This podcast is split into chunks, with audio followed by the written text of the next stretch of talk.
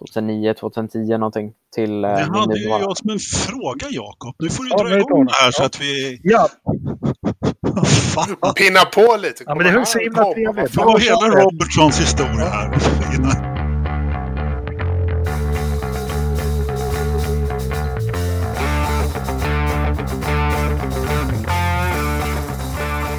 Hej och välkomna till Forza-podden avsnitt 106 med Ridderstolpe, Lövström och Engelmark. Och idag har vi en gäst med oss, Bördig från Tyresö, som tog flyg, flyget över pölen och roffar åt sig pokaler på löpande band. Vi hälsar Linus Lundqvist välkommen.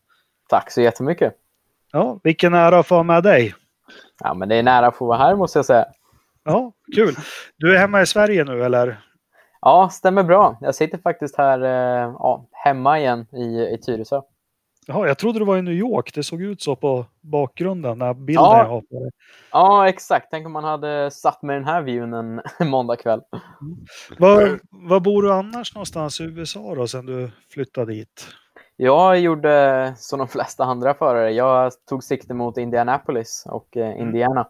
Så det, där bor jag faktiskt nu med eh, en person som ni måste känna till, Jonny Lindberg, dragracer-killen. Just det. Jajamän, så jag är inneboende hos honom just nu i Indianapolis, i Brownsburg. Ja. Häftigt. Du trivs bra där. Ja, det får jag ändå säga. Det var ju lite av en omställning när man kom dit först. För jag menar, jag, jag tror jag hade varit i USA två, två gånger tidigare och jag tror det var med, när jag körde Daytona-racet där 2019. Så det var ju Ja, väldigt annorlunda gentemot vad jag, vad jag var van vid. Men eh, man kom in i det ganska snabbt och eftersom jag hade, hade Jonny som jag bodde hos så hjälpte han mig extremt mycket i början och lärde känna lite av hans vänner. Så det var skönt. Bara kanske förekomma så, eller kanske man vill prata om en, eh, inte ekonomisk backning, men jag tänker ha rådgivare och sånt. Vilka är det du jobbar med som hjälper dig? Ja, säger så här, jag har ju faktiskt ett officiellt advisory board så att säga, där eh, Felix Rosenqvist är med, Ted Björk är med eh, och även prins Carl Philip. Och sen, sen tar man ju hjälp beroende på vad, vad det är man söker så, så har man ju alltså personer som är med och stöttar en med erfarenhet om det är kanske business-sidan eller racing-sidan eller alltså på en personlig nivå också. Har man, ju, har man ju olika personer i livet där. Eh, sen har vi även om vi pratar just racing och bana, så nu eh, till exempel i år så har vi ju på en av tävlingarna har vi haft en dedikerad racing coach eh, som, som har varit där och försökt tipsa och, tipsa och hjälpa lite när vi kommer till en ny bana. Okej, hur, hur, hur går det till? Eller hur, hur jobbar man med en sån? Det, det har väl funkat rätt bra. Eh, han, han var till bra hjälp. För det, vi hade honom första helgen där på Mid Ohio. Eh, sen nu de senaste två åren så har han inte varit med. Men han, han funkar bra som sagt. Det är speciellt kanske för min del som aldrig varit på banorna så kan det vara bra att ta del av någon som har kört x antal hundratusen varv på de där banorna och liksom hitta små knep här och var. Eh, Men eh, å andra sidan, de senaste två racen har ju gått ganska bra också när han inte har varit med. Så det är kanske inte är en avgörande faktor, men eh, Nej. kan ju vara en liten trygghet. Men du, vad är det med det där och er racerförare? För man vill inte gärna erkänna att man har en coach. Va? För jag följer han Rob Wilson, om du vet vem det är, i Storbritannien. Jajamän. Eh, har du varit och kört hos honom? Ja, det har jag. Du har det? Jajamän. Det- Då får du börja berätta lite det, för han verkar ju kunna lära ut allt möjligt bra till de flesta.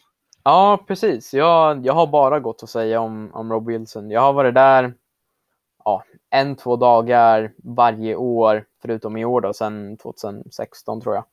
Ehm, och eh, började kanske ja, en eller två dagar i början av säsongen och ja, väcka allting lite till liv igen. Och han, han är väldigt speciell och han är extremt svår att berätta och förklara om. Utan det är nästan en sån person där du måste vara där och uppleva det för att Ja. förstå vad det är han gör. Men på ett väldigt kort och enkelt sätt så eh, berättar han egentligen hur en racingbil fungerar och vad du kan göra som förare för att hjälpa ja, motverka hur, hur bilen beter sig och till exempel om du har understyrt eller överstyrt och hur du kan påverka bilen och jobba, eh, jobba med den så att säga istället bara för att sitta irriterad och inte veta vad du ska göra. Så eh, han jobbar väldigt mycket med vad, vad du som förare kan göra med bilen då.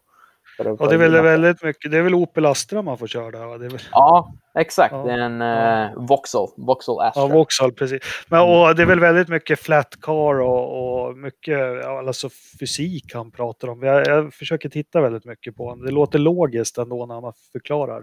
Ja, det är som du säger. Det är, man får höra mycket flat car och som sagt, han jobbar ju väldigt mycket med vikten i bilen och han säger det är det som är kanske fördelen med att köra typ som en Vauxhall Astra att Mm. Allting det du gör, det förstärks ju liksom tusen gånger i en vanlig personbil eftersom fjädringen är så mjuk och den har så mycket roll och så vidare. Men allting händer ju exakt likadant i en racingbil. Det är bara att det mesta av det försvinner för ja, den väger inte så mycket och allt det där. Men det, det är ju fortfarande samma saker du gör med fötter och pedaler för att försöka få Mm. bilen att göra, bete sig på ett visst sätt. Har han kvar sin gamla Nokia som telefon eller? Ja, det har han. Det är den han brukar titta och ta tider med också. Ja. Ja, förstår inte var han hittar batterier till den. Ja, men vad kul. Jag tänkte vi börjar. De flesta på, på sidan som lyssnar känner ju till din karriär ganska bra och du har kört gokart och allt det. Att vi, vi hoppar över det. Men eh, kan du kort lite berätta om när du tog dig steget över till att köra bil eller bilar? Ja, exakt. Det steget tog jag i 2015 när jag fick möjligheten faktiskt med, med David von Schinkel och, och Team Tide att, att köra med deras bil. Um, det var så att vi, vi körde ju under deras flagg och, och fick låna deras bil, men sen var det ju... Det var det här som var lite spännande tyckte jag, för det var ju ett familjeteam. Så det var ju min bonuspappa som var Chief Mechanic, som han så fint titulerar sig som. Eh, en av hans arbetskollegor som var andra mekaniker då och eh, min bonuspappas brorsa Bosse som var min racingingenjör som aldrig hade varit liksom, racingingenjör tidigare. Och så eh, min mamma liksom, som fixade allting runt omkring. Och så var det. Så drog vi ihop. Eh, vi hade bilen i, i garaget nere om kvällarna. Så eh, låg de och mecka och försöka fixa inför kvällarna. Och det var ju, det var ju alltså, ideellt. Allt, allt vi gjorde var ju liksom efter arbetstider och jag gick ju i skolan och, ja, de andra jobbade ju och hade ju heltidsarbete. Så um, det var ju verkligen varenda timme man hade över som man, som man la på det. Och eh, vi gjorde exakt samma sak 2000, 2016 och eh, då gick det betydligt bättre och vi lyckades vinna mästerskapet här hemma i Sverige i ja, Formel S, CC Nordic som det då hette och blev både svensk och nordisk mästare. Och sen så satsade vi egentligen allt på ett kort där vi tog ihop de sponsorer som vi hade och eh, även den ekonomin vi själva kunde lägga och ta steget ut i Europa och körde det brittiska Formel 4-mästerskapet. Där eh, vi hade farten, eh, men dels lite av min egen oerfaren, oerfarenhet på, på den stora internationella scenen så att säga och även lite tekniska bekymmer ska tilläggas. Så blev vi femma i mästerskapet, men vi hade fortfarande fem segrar och vi hade verkligen farten. Så um, vi fick möjlighet att köra kvar då. Ja. Nej, jag tänkte bara så här, hur, jag tänkte fråga så här, hur stort är steget från att gå eh, svensk nationell serie till, till Storbritannien? Det måste vara ett ganska ordentligt stort steg. Som du, hur, hur nervös är man när man flyttar över och, och hur, eh, hur tänker man? Hur, hur reagerar man? Liksom? Ja, nej, men det är ett jätte, alltså verkligen ett jättestort steg. Det, jag kommer ihåg det ganska väl, för det var exakt samma känsla som när jag gjorde min första internationella go-kart-tävling till exempel. Från att liksom ha vunnit SM och så vidare hemma. Så kom man ut till, till Italien och helt plötsligt så hade man svårt att ta sig vidare till A-final, liksom, topp 30. Ja. Ehm, så det var ju verkligen en stor justering. Det var inte riktigt på den nivån när du klev över, för jag tror min nivå var lite, lite högre ehm, när jag tog steget över till Formel 4. Och jag visste ju att vi hade farten, men det var mest racecraften, alltså i, i race pace och hur man fightades med andra bilar. Så här hemma i Sverige så är vi extremt respektfulla och snälla och ger varandra utrymme.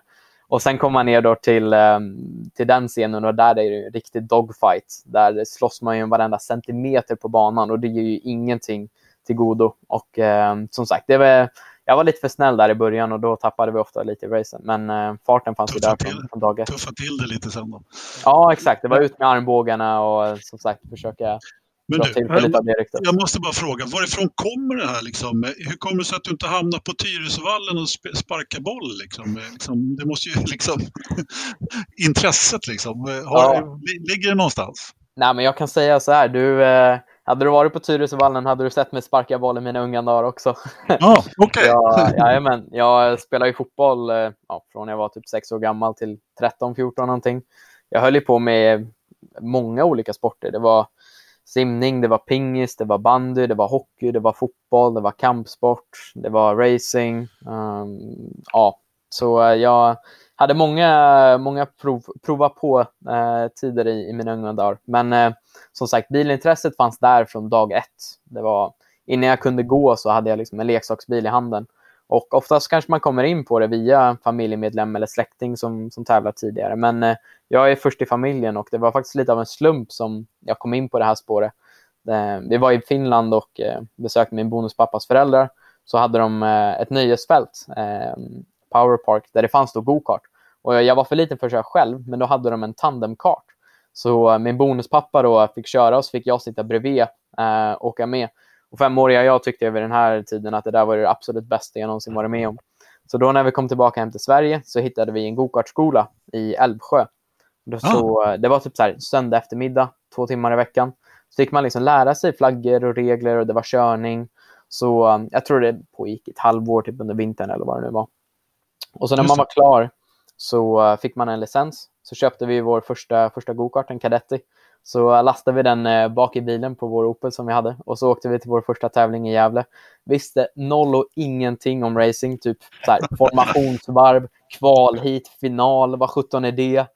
Um, utan vi var tvungna att verkligen lära oss från scratch, men uh, det var kul. Det har ju varit en riktig resa och det är sånt här som jag tycker är lite kul att liksom, blicka tillbaka på, även tänka på hur långt, hur långt vi har kommit även här idag. Jag förstår det. Jag förstår det. Jag hade ju fan klippkort på det där stället i Älvsjö med min son. Men, ja, men ja. det vart ju ingenting av honom, den rackaren. Han, ja, han blev väl tatuerare istället? Ja, han är jobbar som tatuerare nu. Jag ska skälla på honom nästa gång. Men du, ett litet sidospår. De du körde för i Sverige, då måste du ha varit lite vid Tidö slott och kikat, eller? Ja, exakt. Jag var där ett par gånger. Ja. Stämmer. Ja, Kul! Ja, ja, men det är lite hemtrakter för mig.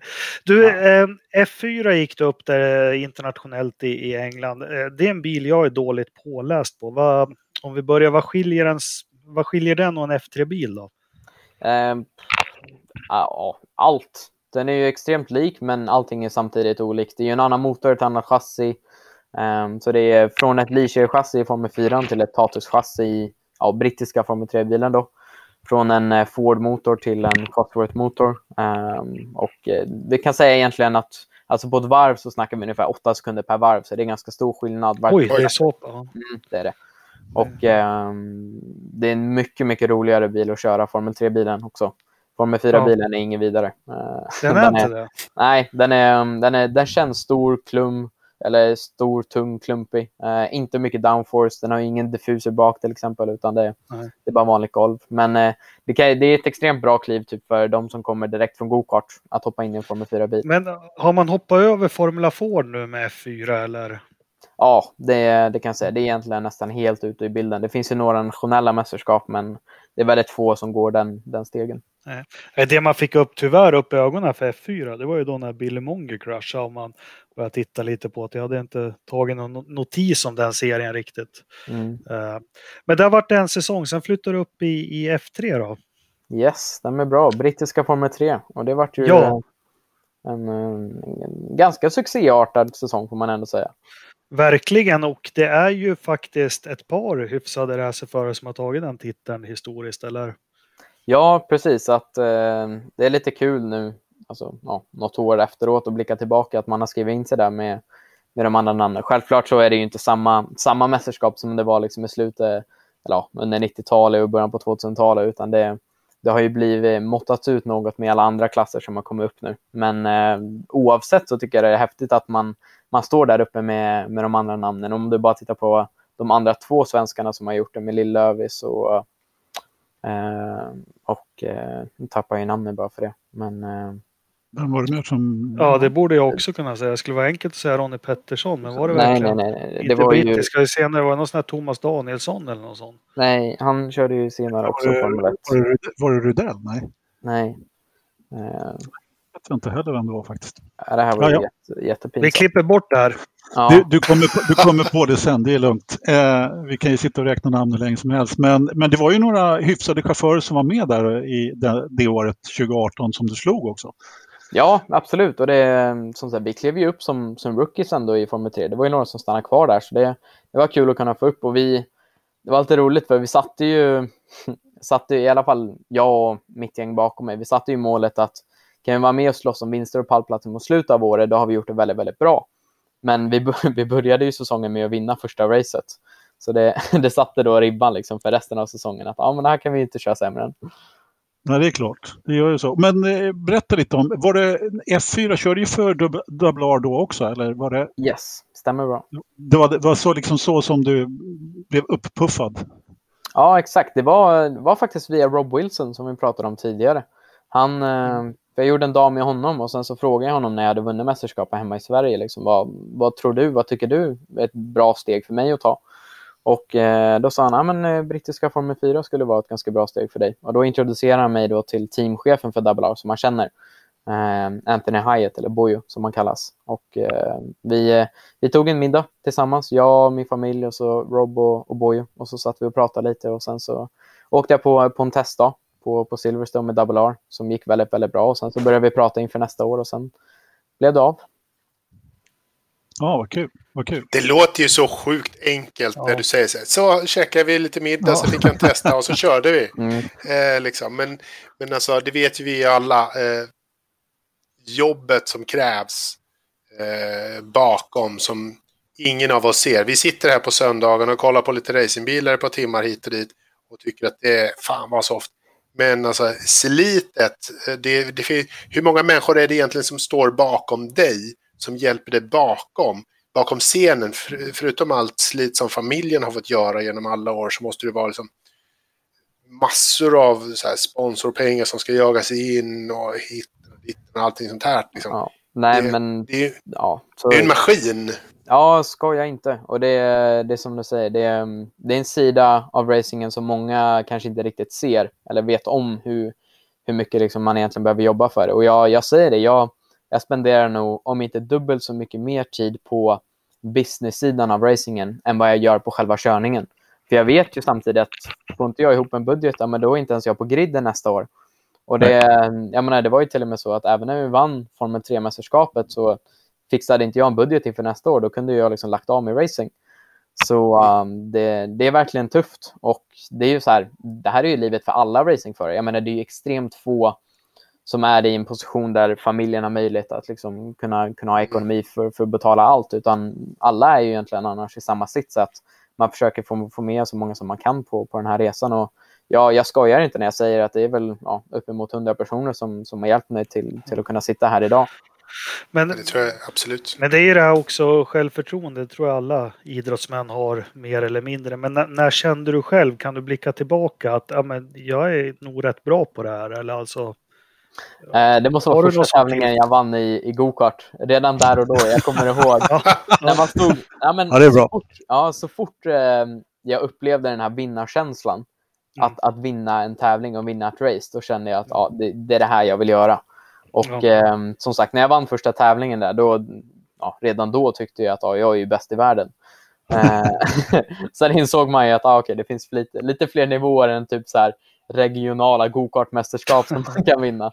ja, fast det är det största just då i ditt Ja. liv. Det är det som är det härliga. Det är, Precis, det var ju just det. Jag, menar, jag var ju lika glad då som, som typ när jag vann en tävling förra helgen till exempel. Ja. Det, även fast det är på en annan nivå.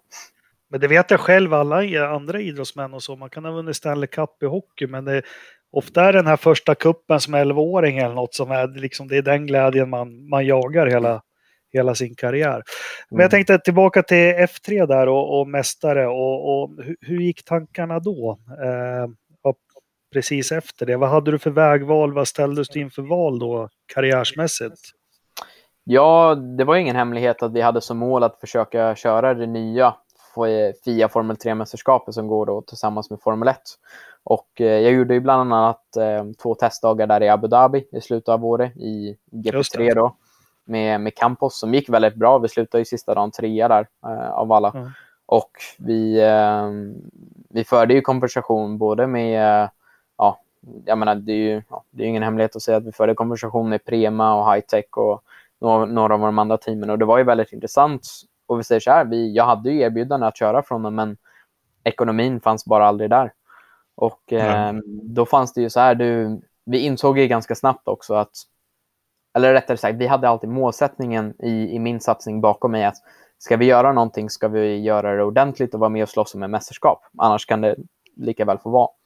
Så vi identifierade ju x antal team då i, i Formel 3 där vi sa att de här teamen vill vi vara med. om det inte blir dem, då, då kommer vi inte köra det. För vi vet att vi kanske kan vara med och slåss om en topp 5-position, något race, men över en hel säsong så måste det sitta i toppteam. Det vet vi ju alla. Och eh, om inte det är möjlighet, då kommer vi titta på en annan serie där vi har möjlighet att, att sitta i toppteam. Så att egentligen flytten över till USA var, var väldigt, väldigt mycket så ekonomiska eh, incitament också. Ja, det ska jag ändå säga. Men det ja. blev väl ändå en säsong där 2019, förra, förra året då när ni körde i, eh, i det andra F3-mästerskapet då? Precis, då, eh, då fall, föll egentligen valet då på Euroformula Open, så de blev det andra, det som egentligen kanske ersätter Euro F3. Ja. För det är samma bilar och samma banor där, bara ett annat mästerskap och organisation. Men där var väl Double R då, och Double R det är eh, Robertson, eh, far och son va, från början, och Raikkonen. Ja, mm. ja precis. Så uh, Double R står för faktiskt uh, Raikkonen Robertson Racing. Just det, precis. Men, men Kimi, han är, inte, han är inte så insatt längre. Nej, tyvärr inte. Dock så ska jag säga, jag fick ett grattis från honom på ett sms efter jag vann eh, Formel 3-titeln. Ja, ah, kul. Med det. Så, um, men som sagt, ja. det... Har han koll i alla fall? Ja, jag, jag, tror det var nog mer min teamchef som hade skickat att vi hade vunnit. ja. Så, ja, vi tänkte i slutet av det avsnittet så avslöjar vi telefonnumret till Kimmy. Om det. Ja, precis. Jag tänkte, jag tänkte precis att det, där, det där är ett sms som man sparar. Liksom. Ja, jag tänkte säga det. Det kommer ligga för högstbjudande sen då i slutet av podden. ja, vi kör, vi kör en liten Tradera som, som vanligt. Liksom för sponsor. Nej då, det gör vi inte. Men hur, hur gick det i Euroformula då? Ja, det var ju en väldigt intressant säsong. Eh, sen när jag blickar tillbaka på den, jag menar, jag är ju inte alls nöjd över resultatet. Vi slutade femma i totalt och tvåa, tvåa i rookie-mästerskapet. Det, det var en extremt tuff säsong, mest på grund av kanske teamsituationen, hur det blev. Eh, det var ju ett team som anmälde sig sent till, till mästerskapet och sen då kom in med en mindre armada på fyra till fem bilar och totalt dominerade det här. De, ehm, de vann vart, vartenda race av säsongen. Alla 18 race vi körde vann de. De tog alla 12 positions förutom två, varav vi tog en av dem. Mm. Um, och så, alltså saken är, det är definitivt ingen tvekan om att de är ett bra team. Det är Motorpark bland annat då. Um, mm. som, som ni kanske känner till, som Joel Eriksson mm. körde för. Yes. Uh, yep. Och uh, också en liten sån där surpunkt, för det vi var i kontakt med Motorpark inför det här mästerskapet också och vi var väldigt intresserade av att köra för dem och vice versa. Men de skulle köra ett annat mästerskap som skulle heta Formula EM som skulle försöka ersätta Euroseries.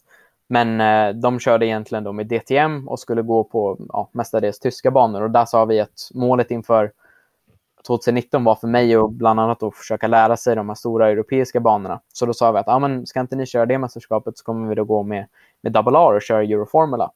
Så då signade vi ett kontrakt med dem och sen två veckor typ innan start så läggs det andra mästerskapet ner och Motorpark ansluter då till vårt mästerskap. Men då, som sagt, då har ju vi liksom redan signat det. Och eh, sen blev ju säsongen som det blev. Vi, eh, det visade ju sig vara på bakfoten egentligen hela, hela säsongen ut. Men mm. ska, jag försöker inte skylla ifrån mig på något sätt. Jag gjorde även misstag den säsongen som, som kanske inte riktigt var okej. Vi, vi slarvade bort eh, rätt många poäng, men själva farten i sig hade vi problem med. Och som sagt, då var det ju att man, man överkörde också och försökte hitta fart där, där det kanske inte fanns. Men ett annat sidospår, jag tänker vi tre andra, vi är ju gamla uvar och, och på vår tid när det kom fram, det var ganska enkelt. Det var Formula Ford 1600, sen var det 2000. Man följde någon upp i F3 och tittade på, så var det F3000 och Formel 1.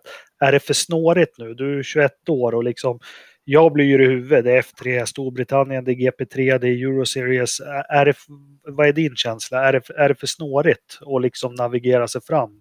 Ja, det kan jag definitivt säga. Det var väl extra galet just året inför 2019 eftersom GP3 lades ner och FIA väljer statuera ett nytt FIA Formel 3-mästerskap och det gamla FIA Formel 3 dog ut, eh, som då var Euroseries.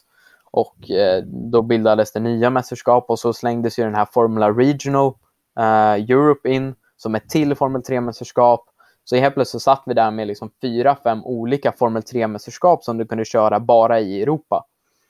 Och då kommer ju frågan, ja, vad, vilken av alla de här ska vi välja och var ska vi vara? Ja. Vilket team är bra? Vad är budgeterna för alltihop? Och det, ja, det är lite för krångligt idag tycker jag. Och vad som Ja, det låter att se- vansinnigt. Ja, men vad som jag tycker är tråkigt att se också, det är, det är faktiskt helt ärligt så lite i USA just nu i år också. Det är att ta typ Euroformula och Formula Regional. Det är liksom typ så här, vadå, 15 bilar i varje mästerskap.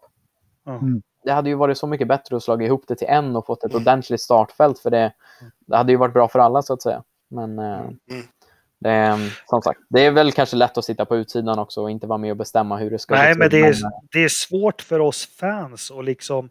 Vi har ju Anders med oss här som brukar göra lite utblick och håller koll på de flesta klasser. Men jag blir yr i, jag blir yr i huvudet faktiskt av att det är svårt att liksom veta när du ska börja följa någon och se, för det är så mycket olika. Ja. Mm. Ja, nu, nu börjar det bli lite ordning på det, men just då när den här regionala serierna så, så var det ju ingen ordning alls. Och eh, just de här amerikanska feederserierna, de har ju också varit, precis som du säger, väldigt röriga.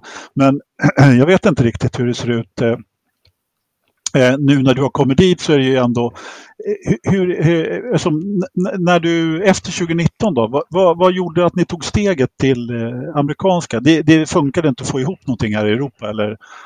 Nej, exakt. Den, alltså, en av de stora delarna var ju ekonomin och de finansiella medlen som vi hade att försöka, försöka hitta någonting bra. Och vi, så här, jag stängde ju verkligen inga dörrar överhuvudtaget, utan vi tittade ju först på, på möjligheten att stanna kvar i Europa. Och då var det ju återigen målet att försöka hitta budgeten för en ordentlig FIA Formel 3-styrning, men ganska tidigt kände vi att det, det kommer inte funka.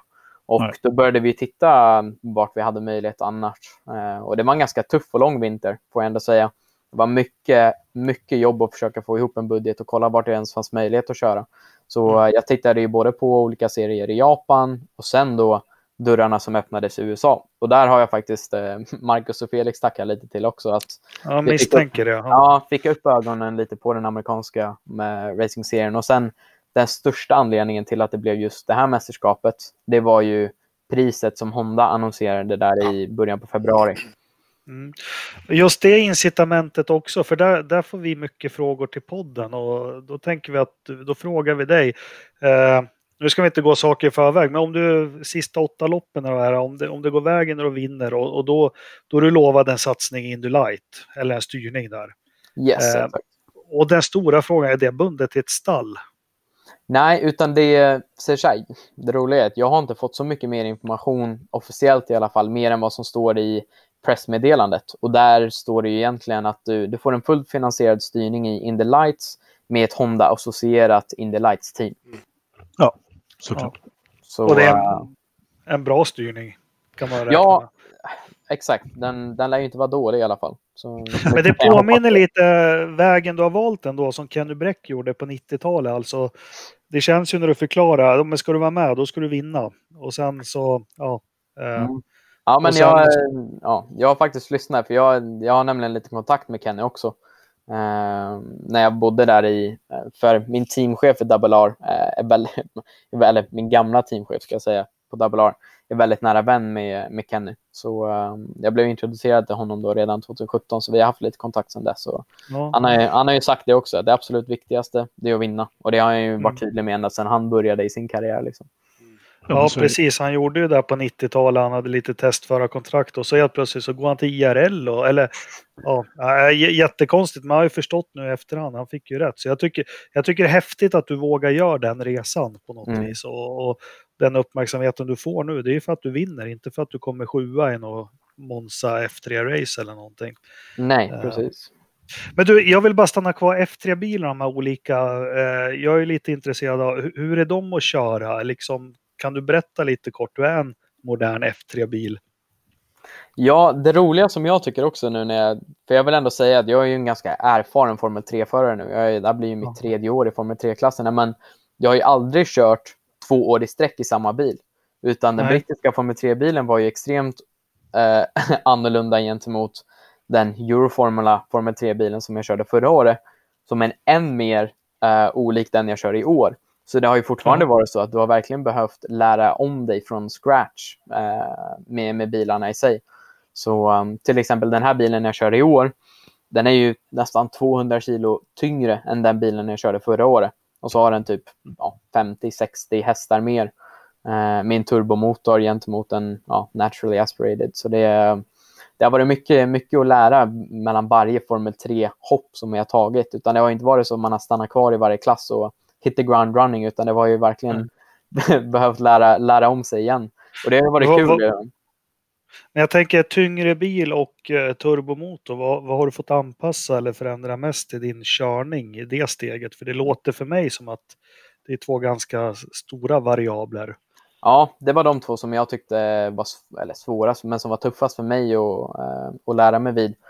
Och det jag märkte det var ju att nu, som sagt, under de senaste åren så har jag kört ganska relativt lätta bilar med mycket downforce och med inga turbomotorer då. Och du får ju en viss körstil av det, speciellt eh, förra året eftersom den bilen hade äckligt mycket downforce. Eh, då kunde du egentligen bara kasta in bilen och sen så får du liksom hantera vad, vad som händer mid-corner.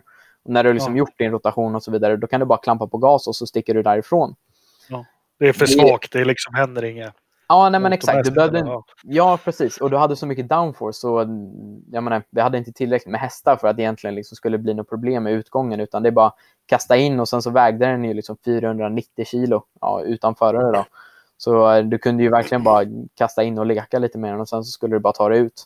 Medan den här så, uh, så måste du verkligen tänka både ett, två och tre steg i förväg. Och uh, kanske inte vara den senaste på bromsen utan hellre kanske bromsa tre meter tidigare men att vara på gas lite tidigare just för att spola upp turbon så att det får full power.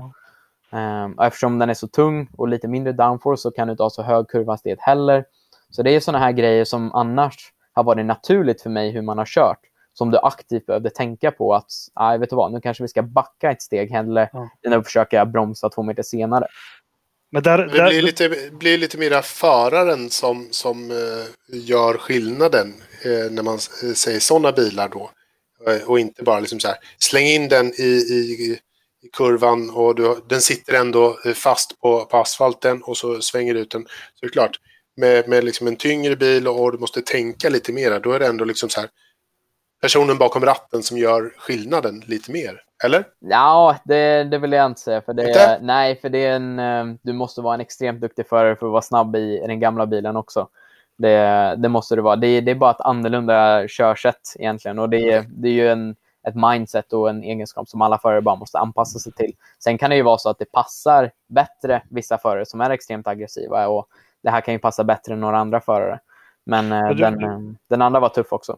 Du var inne på det här och kanske lyfta lite kurvorna och sen få spolning eller lite spinn på turbon. Och vi har en fråga från Kian Andersson. Han mm. undrar om det är mycket turbolag i Honda-motorn. Ja, tyvärr så är det ju det. det ja. vi, vi snackar ju lätt, alltså, ja, säkert en halv sekund som, som, som du känner av. Och det är ju, det, ja, så det är ju verkligen en sån här grej innan du liksom verkligen får full power. Så du, det, jag, brukar, jag sa det till mitt team efter typ första passet jag körde, att det, tänker du att du ska gå på gas, då har du gått på gas för tidigt.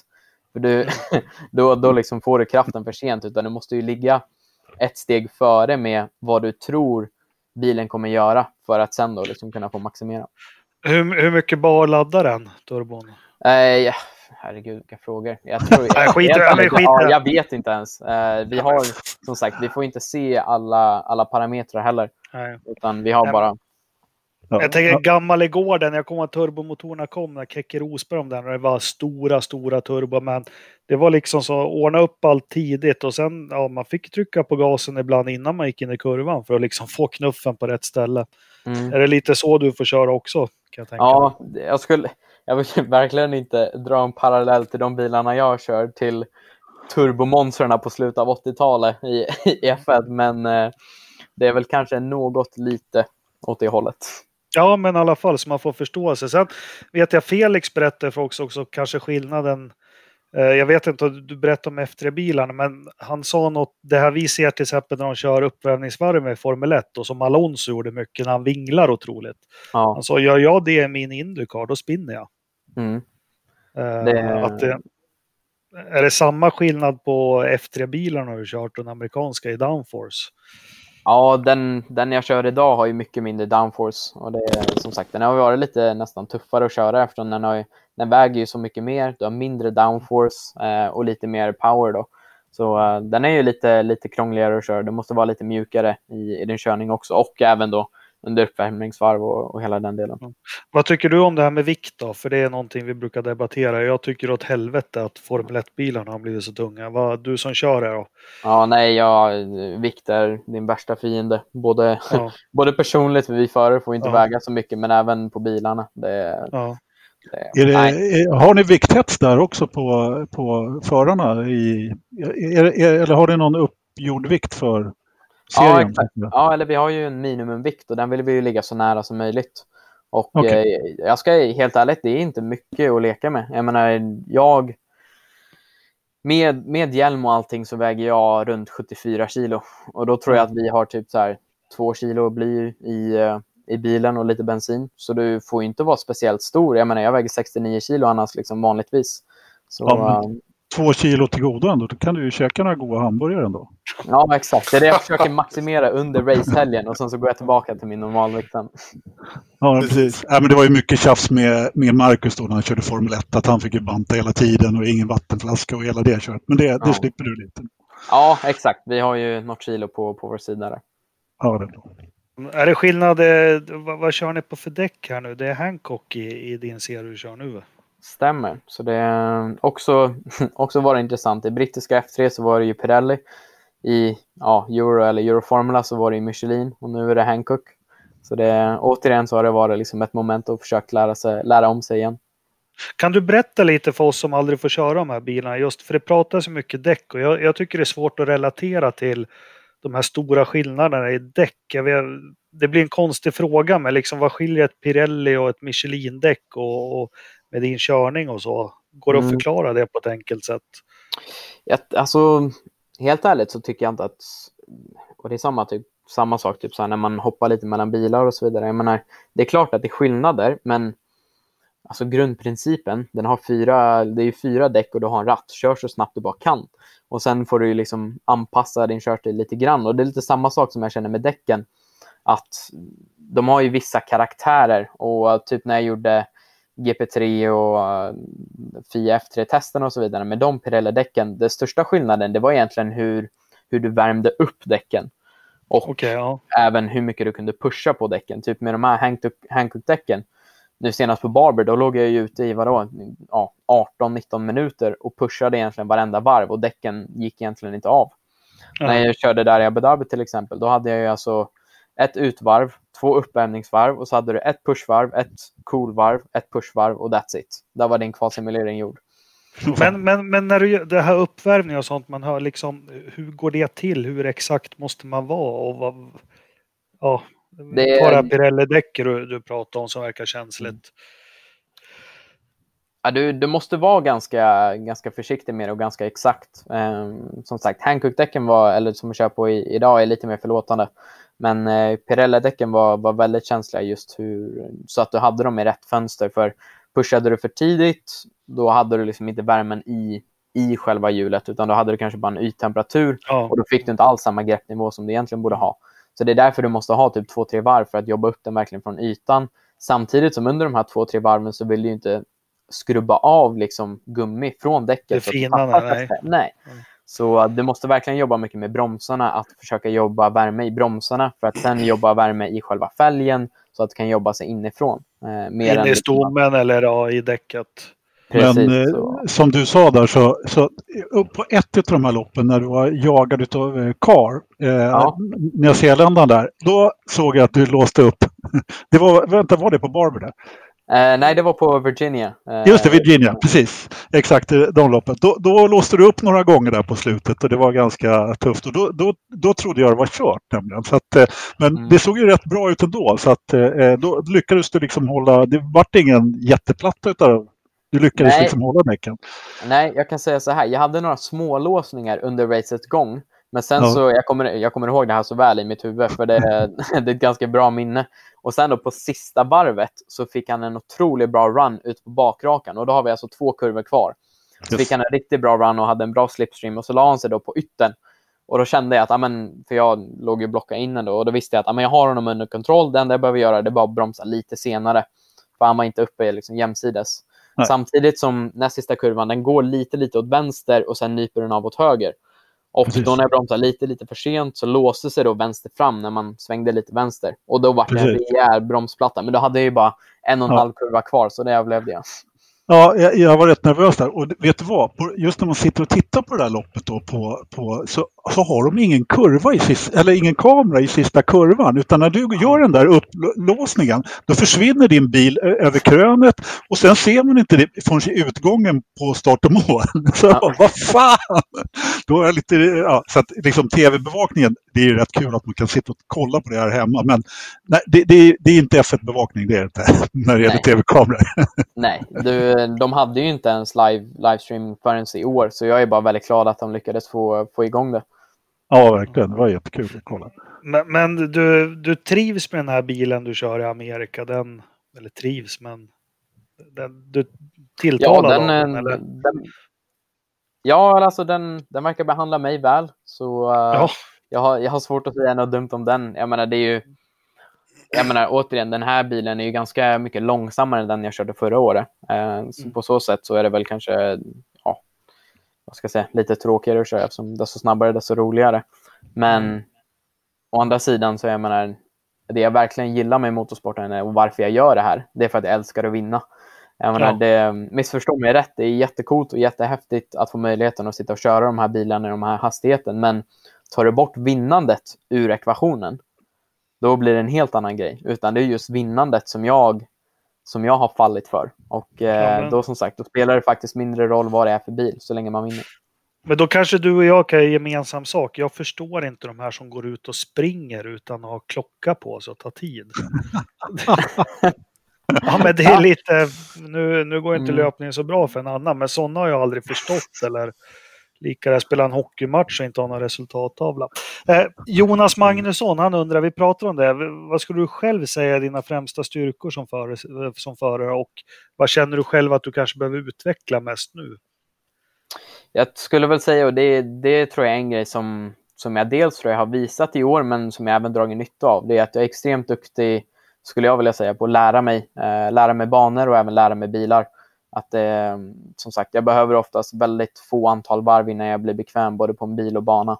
Så det, det har ju varit en extremt viktig faktor med att vi, vi har kunnat komma, komma tillbaka så snabbt nu redan, redan i år med egentligen inga försäsongstester och aldrig varit på banorna tidigare. tidigare.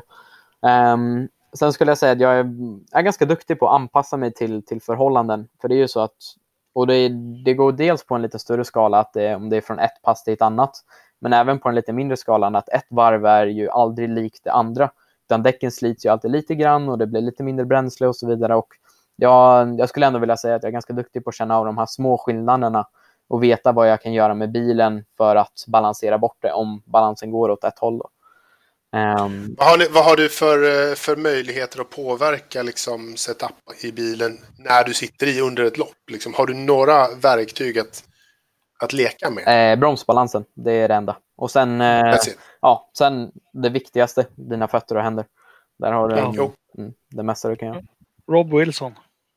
Ja, nej, men lite faktiskt. Det, så får man tänka. Jag menar, det, ibland har man tänkt så själv under typ, sista racet där i Virginia till exempel. Då tog vi ett litet felsteg eh, setupmässigt. Och då eh, var vi under press egentligen hela, hela racet. Då satt jag där och jag bara, nej det här kommer ju aldrig gå. Alltså, jag hade jätteproblem med understyrning.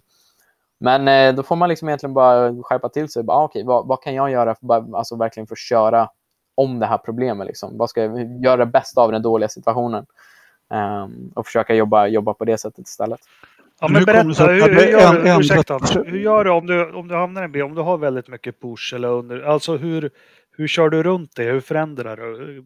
Jag är jättenyfiken på sånt. Ja, det tror jag säkert. Och det är sådana här tips som, eh, som är guld värda för förare. Ja, men då, då får du hålla dig för dig.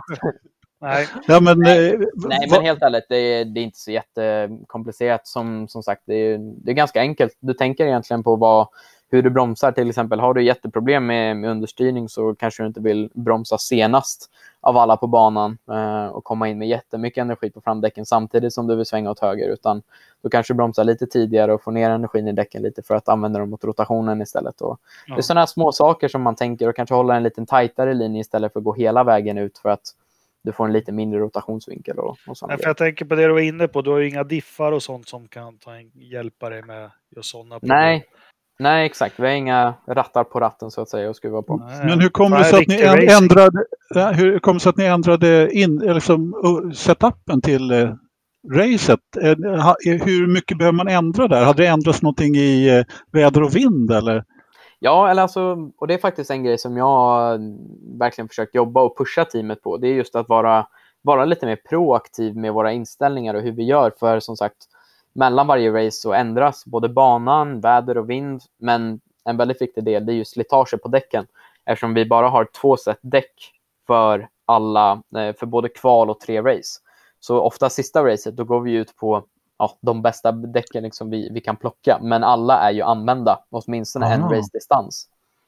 Och då behöver du ju oftast kanske se hand om däcken lite grann och då brukar vi göra lite justeringar på, på bilen. Och även om det är till exempel om race 1 till exempel går klockan 9 på morgonen och race 2 går klockan 4 på eftermiddagen. Då har du rätt stora skillnader med bantemperaturer och ban, liksom bilar som har kört. Så då brukar, som sagt, jag försökte pusha dem verkligen att tänka vad tror vi, vad borde bilen gå mot för håll, liksom mot understyrd eller överstyrd? Om vi kan göra då en justering för att motverka det. I Virginia där så lyckades vi inte riktigt läsa situationen rätt utan vi, vi gick åt andra hållet. Men det är ett sånt pris man får betala ibland. Jag menar, man kan inte ha rätt 100% av gångerna. Du vann ju ändå. Ja, exakt. Det var så. Bara lite, bara lite tuffare än vad jag hoppades att det skulle vara. Ja, det var nervöst att titta på också kan jag tänka. Kan, kan jag mena. Du, du hade ju en annan nervös liten grej där. Det var ju nu på, på Barbara här när du tappade starten också. Hur, Ja. hur, hur kändes det då? Eller vad gjorde du? Vi kan, vi kan ta det. Vad, vad, vad hände där egentligen i starten? Jag, vet- jag vet inte. Nästa fråga. Nej, nej, jag skojar. Det, ja, jag vet själv inte riktigt. Jag, jag tror jag var för fokuserad på igångsättningsmomentet att jag totalt missade reaktionen. Så eh, min igångsättning var faktiskt extremt bra. Det var bara att den var typ så här sex tiondelar för sen. Okej. så, så när jag väl började rulla då la de andra i tvåan. Liksom. Så det, det var liksom lite Men du, det är handkoppling. Eh, nej, faktiskt inte. Det är, Det är fotkoppling. Ja, det är riktiga Old bilar school. du kör. Mm.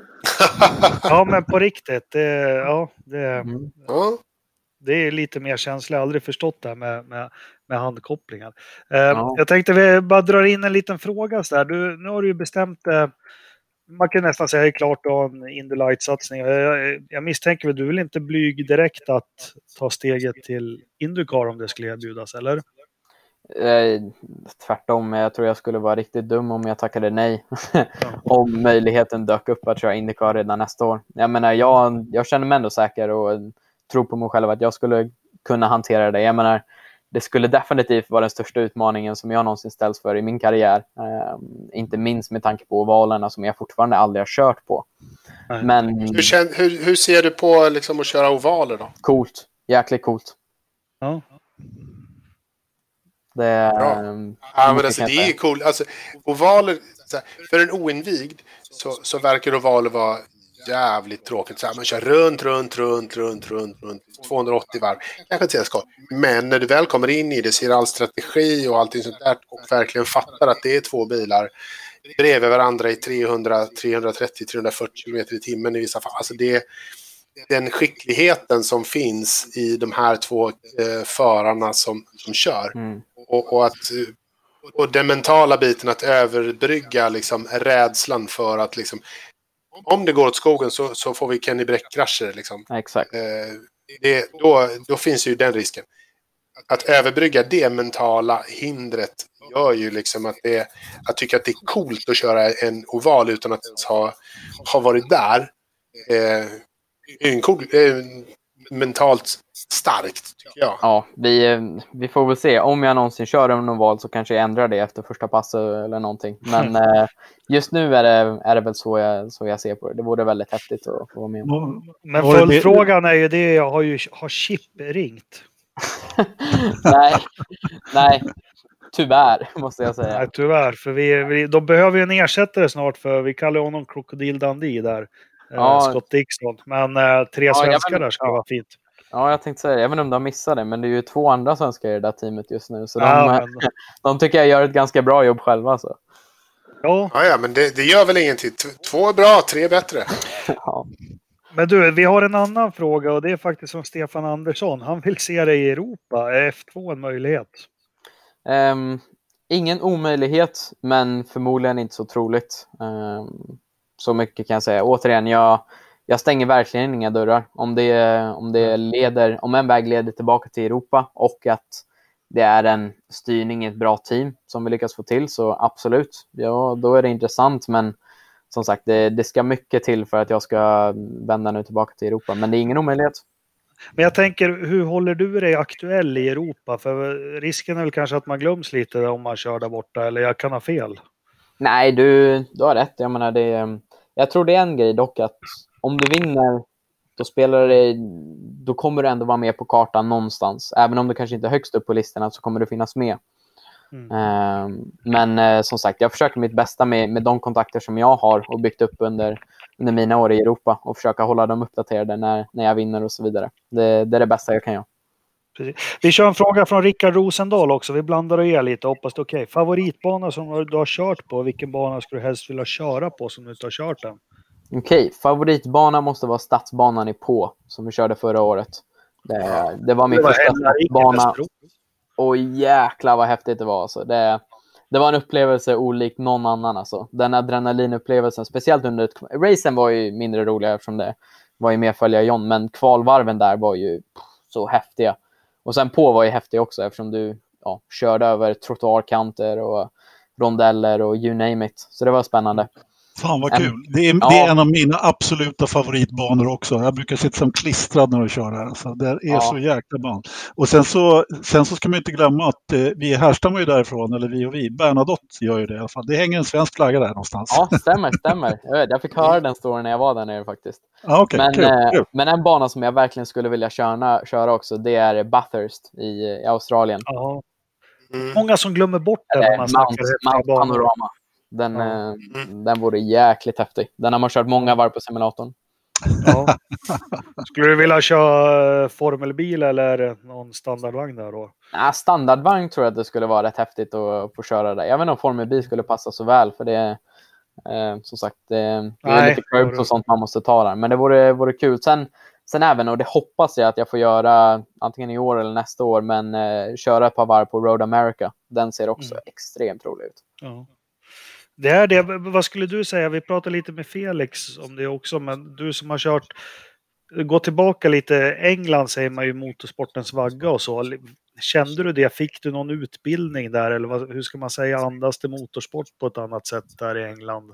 Ja, det gör det verkligen. Ehm, det, som, det som andas mest det är egentligen att britter verkligen anser sig själva vara home of, home of motorsport. det var det jag tog mest därifrån. Nej, men eh, det, ehm, det får jag ändå säga att jag menar, de flesta racingteam, även alltså internationella europeiska racingteam, är ju baserade där och de har ju mycket racing och eh, även alltså i, i publikt och allmänt intresse så är det väldigt, väldigt högt. Jag kommer ihåg första tävlingarna som jag körde med Formel 4 i, eh, så kör vi supporterklass till British Touring Cars. Första racet vi körde på Brands Hatch och söndagarna, det var typ 40-50 000 på läktarna. Ja. Det är ja, galet för liksom ett touring car race. De är ju, de är ju häftiga. Och de har ju klubblopp varje helg överallt i några klasser där i Storbritannien eller England. Precis. Men, men du, på tal om banor, den är, vi får ju inte se den med stora bilar. Brands Hatch, den är väl rätt häftig? Va? Eller? Ja, det är den. GP-banan där med på Formel 3-bilen, den var riktigt härlig. Ja, kan tänka mig det. Den, den saknar man. Eh, vi har lite mer frågor. Pappa Rosenqvist, hur fort går det på rakan? Såklart, det är de här som inte är insatta i motorsport. Då är det den här frågan som, som brukar komma. Ja. ja. ja. Nej, men vi, med de här bilarna så har vi en topphastighet på ungefär 250-260 tror jag. Ja. Där har du P.O. Du ska hålla dina barn borta från motorsport. För det ja, fort. precis. Går jättefort då. Eh, vad hade vi mer då? Hade vi någon mer fråga så från, från lyssnarna? Eller har vi...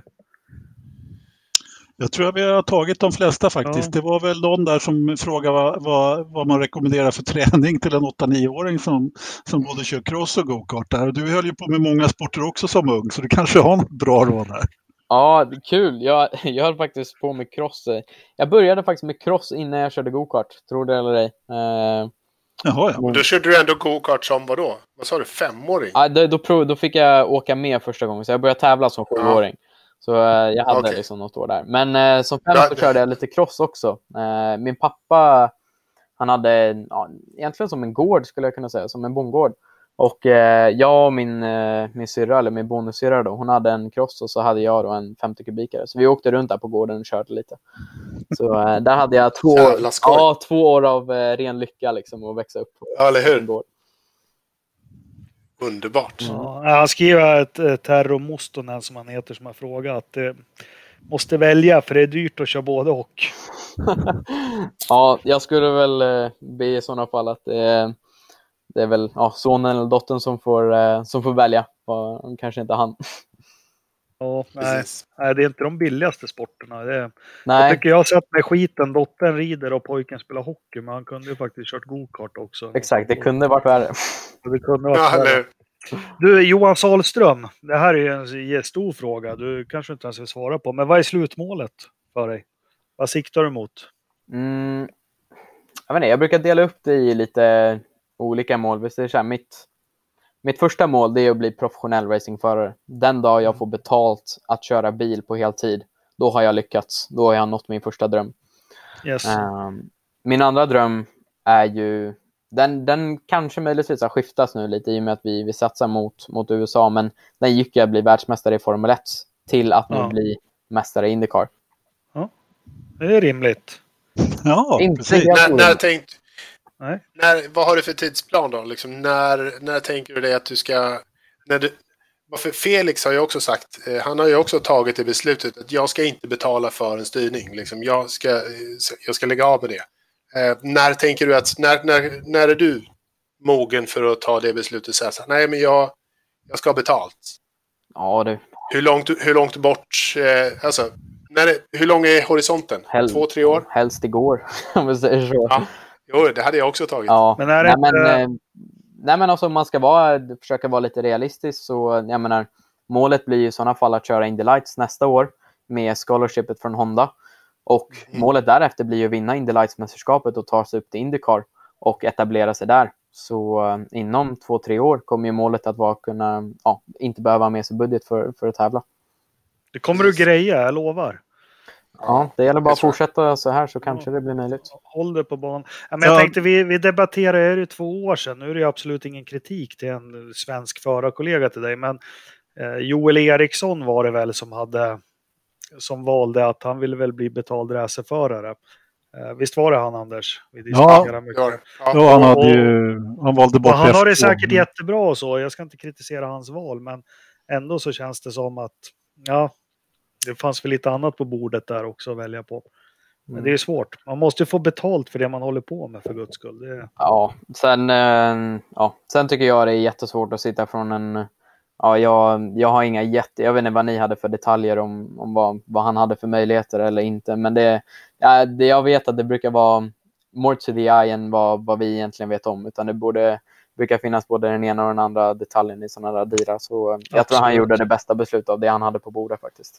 ja, jag tror jag också skulle vilja bli fabriksare för BMW om det. Ja, exakt. Jag inte, har ni sett hans, eh, har ni sett hans eh, vad heter det, åk som han har här hemma med BMW eller? Nej, han, hade ju en, ja, han hade ju en M5 som han åkte runt med. Det, är- det är Ja. ingen dålig företagsbil får jag säga. Nej. Jag duger. Nej, Nej. den firma bilen är inte dum. Verkligen inte.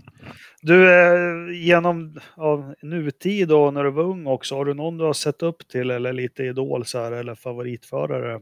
När jag var ung, vad försöker du säga? Jag Ja, gammal? du börjar, du, du börjar, jag jämför ju dig med Max Verstappen, du är ju gammal nu. Nej, men har, du, har du någon du har sett upp till eller kanske gör nu som du tittar lite extra på? Eh, känns så töntigt och klyschigt egentligen att säga, men jag började kolla på Formel 1 samma år som Lewis Hamilton debuterade. Eh, 2007 där och sen dess så har jag alltid följt honom och han vart ju en stjärna för mig liksom, som ung. Um, sen nu när jag började ta stegen upp i, i Formel bil så ska jag även erkänna att Felix Rosenqvist var ju lite av en förebild för mig. När han, när han körde Formel 3 och vann Macau två gånger om och EM-mästerskapet så var ju han ja, en stor stjärna i mina ögon. Så det, det är kul att få, få följt honom och även lärt, honom, lärt känna honom nu på senare år och Ja. eh, fått se honom på den Ja. sidan också. Men där, där har du ju en kille som körde F3 några år. Han Ja, höll ju på att fastna i den där klassen egentligen. Det var ju väldigt kul att se honom för han vann ju faktiskt rätt mycket. Men jag trodde aldrig att han skulle ta, komma, liksom hoppa ur det där, eh, inte träsket, men liksom komma loss därifrån. Men han gjorde ju det till slut tack och lov med, Mm. med Formel E där och hela köret. Så att det är ju fantastiskt roligt att se. Formel E, det är ett alternativ för dig. Ja, eller jag har ju inget kontrakt som ligger och väntar på mig i papperskorgen om jag säger så, men det Är en intressant serie om man säger så? ja, det är absolut intressant. Eh, Jag menar, det, återigen, jag tror oavsett förare så måste du ju kolla på vad det har för alternativ. Och jag menar, det, är en attraktiv serie både, både för hur den ser ut idag, men även alltså, potentialen som de har att växa i, i framtiden. Och, Vet som du- sagt, jag, jag planerar ju att vara i den här branschen i både ett och två år till. Så. Ja, det hoppas vi. Vet du någonting om hur de bilarna är att köra? För det, det glömde jag fråga Felix faktiskt. Nej, jag har bara hört, hört rykten, eh, vilket innebär att de är tunga och ganska långsamma. Nu, eh, nu tror jag väl generation 2-bilen har väl varit ett ganska bra steg uppåt, men eh, vad jag förstått så är de ju fortfarande väldigt tunga. Ja. ja, jag har inte riktigt fastnat för det, men Anders här, han är ju stort fan av Formel E. Jag Mm. tittar på allt som har fyra hjul och ratt. Ja, Ja, Ja, Jakob brukar håna mig för att jag tittar på pre- precis alla serier som finns. Eller ja, jag försöker i alla fall följa de flesta serierna. Och det är extra roligt då, när jag har någon svensk som kör naturligtvis. Så ja, blir det lite, lite extra. Så att, eh, det var kul att följa, följa dina eh, segrar där borta. Just att det blev så många på raken också. Det, vi, vi, det, hörde, det, det var någon som hade tagit tio segrar på raken. Nej, nio. Hur var det? ja alltså det var det. Jag har hört lite olika rykten om det där, men jag har försökt att kolla upp det. Så rekordet är alltså i det här mästerskapet, F3 Americas eller Formula Regional Americas, så är det åtta segrar i rad som Kyle Kirkwood hade när han vann mästerskapet 2017 eller 2018. 18. Ehm, så det har, vi, det har vi liksom gjort lika med nu. Men sen så har han ett annat eh, rekord och det är ju Pro eh, USF måste det ha varit. Eh, och då tror jag han hade 14 segrar i rad. Oj. Eh, Så det är ju liksom på typ så här den amerikanska juniorstegen. I alla fall vad jag har hört. Nu ska ni inte quota mig direkt, men det, det var det de sa mig till, till mig i USA. Där. Ja, Fast det, det där är historia den 27 september. Ja, Ja. Du, vi ska inte hålla dig. Jag har bara några frågor. En, du sa du har följt Lewis Hamilton och du sitter ju i bilar och kör. Eh, vad, vad, vad, vad skulle du säga? Vad, vad är det som skiljer honom? Vi säger från Bottas. Var, varför kör han tre, fyra tiondelar fortare? Vad än Bottas gör? Vad, vad har han i, i sin körning som du kan säga? Eller vad tror du? Ehm. ja återigen, hade jag svaret på det så hade jag sålt det extremt. Precis. Ja. Utan, eh, nej, men jag tror väl att alltså, jag tror det är, en, alltså, det är en mix av många, många grejer. För jag menar, det är typ så här, jag menar, ja, Bottas kvalade ut Hamilton förra racet. Så det skulle ju inte säga att den dagen det passet så var Hamilton bättre än Bottas. För då skulle han ha vunnit. Men eh, när man tittar liksom på, på hela säsonger och hur det har sett ut så har ju Hamilton alltid haft ett litet övertag. Men jag tror att det, det är mer än att han bara kanske är, ja, är bekväm i team. Utan jag skulle väl säga att han, han är på något sätt bättre än någon annan eh, idag. Och det är väl kanske lite samma som vi ser, ser hos Verstappen och även Leclerc tror jag har. Och, eh, vad som är kul det är att just med Verstappen och Leclerc, de, de är fortfarande äldre än vad jag är, men de har ju alltid varit typ en eller kanske två klasser högre än mig i gokart. Så man har ju verkligen fått följa dem på nära håll och jag menar, Ja. jag säger så här, jag har kört om Landon Norris på en EM-deltävling i Genk. Så eh, jag har ju sett hans körstil up close. Ehm, så, men det är lite kul ändå att få se de här ehm, de killarna som man ändå tävlade mot, mot i gokart och som vann Absolut. mycket på den internationella scenen. De, de är där idag. Men ge inte det lite råg i ryggen också? Ja, men du har kört om Norris på en ytterökare och så. Att, ja, men, Ja, jag, jag vet inte. Det, I slutändan så sitter här jag i Tyresö och han sitter, sitter och gör sig redo för Ja, han sitter på. YouTube eller Twitch. Så det, ja. Ja. Ja, precis. Nej, men det, man, man skulle gärna vilja veta med Hamilton. Så här, jag har ju aldrig gillat honom. Eh, Mm. Men jag bara bugar och, och bockar när han kör. Men man vill ju förenkla det. Ja, men är han bättre på att bromsa? Är han bättre på att svänga? Liksom? Men det är väl en helhet som du säger.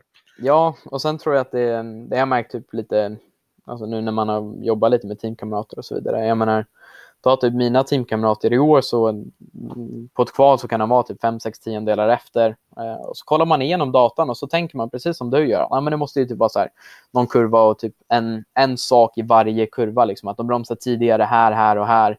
Men det, det kan vara sådana här töntiga och små grejer. Du vet, de tappar 300 delar där och 500 delar där och någon hundradel hit och dit. Och det kan vara olika grejer. Men en kurva bromsar jag 10 meter senare och en annan kurva bromsar jag 10 meter tidigare. Men mm. på ett varv när du har liksom 15 kurvor och du tappar ändå ja, en halv tia i varje kurva. Ja, det blir lite tid på ett varv ändå. Ja. Då har du ju liksom dina 6-7 tiondelar. Men eh, är inte det där i slutändan att du, man har en, någon slags medfödd alltså känsla? Liksom? Ja, ja, jag vet inte, kall, kalla det vad man vill. Talang, känsla, eh, ja, enkelhet för att lära sig eller vad som. Men eh, ibland, eh, ibland har man det och sen är det också typ så här. Det, det är inte så att man har det varje dag heller, utan vissa dagar känns det bättre än andra. Men det, det är roligt, jag såg en intervju med Sebastian Vettel. Det var bland de första åren han skulle köra på Suzuka. Då hade han legat där på hotellet och berättat så här, men jag ringer Schumacher och ber om tips där vid Essen. Mm. Krokar som bara den. Och Schumacher, jag har ingen aning. Jag kör mm. bara igenom. ja. Du, jag tror väl han kanske inte vill avslöja så mycket. Nej, det kan vara den också. Men du, innan du, vi ska prata vidare om lite annat. Men vi tänkte att du får hjälpa oss med en liten brygga in i det. Såg du Formel 1 den här helgen? Jag såg eh, första halvan, tyvärr. Ja. Inte den spännande Somnade halvan. du? Nej, jag, jag åkte iväg. Det brukar vi göra nämligen när det är Formel 1. Så, så här, mitt i, någonstans mitt i loppet så somnar man till ja. i så här 20 varv. Mm. Ja, men, och, eh, och, ja. och, sen vaknar man igen. Ja, jag kollade dock på, på highlightsen sen efteråt. Så det verkade som jag missade den roliga biten. Ja, men med, med din input också för oss amatörer. Vad, vad kan hända från en helg till en annan att Mercedes helt plötsligt kör slut på däcken?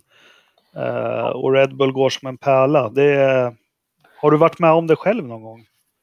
Ja, um, ja, som sagt, det är ju extremt annorlunda nivå den jag kör på gentemot Formel 1. Men jag har ju varit med om principen att du kommer från en racehelg och dominerar och så kommer du till nästa och sen helt plötsligt så är du liksom ja, en halv sekund, sekund bakom täten. Um, och det är återigen, jag tror det är alltså när du väl hittar en bil som verkligen är i fönstret så kan du tjäna så otroligt mycket på det. Om vi drar en snabb koppling till säsongen som jag har idag så tror jag att det är det vi har lyckats hitta väldigt rätt med, med mig och mitt team. Att vi har kommit till varje bana vi har kommit så har vi kommit med en bil som är extremt nära det här fönstret. Mm. Så vi har bara småjusterat till att försöka hitta så att bilen verkligen funkar perfekt och att jag trivs med den. Vi har aldrig liksom behövt tänka om konceptet på bilen. Och jag tror det kan ha varit en sån grej till exempel nu då att de gjorde en liten justering att det vart ju en, ja, ett snäpp mjukare med alla däck. Mm. Um, Pirelli och då kan det vara så att det hjälpte och fick den här pushen att Red Bull-bilen hamnade i fönstret och Mercedes-bilen precis utanför. Mm. För det var inte direkt så att ja, Leclerc var jättenära på en pallplats mot Mercedes, utan det var ju bara att Red Bull-bilen hade tagit ett enormt steg.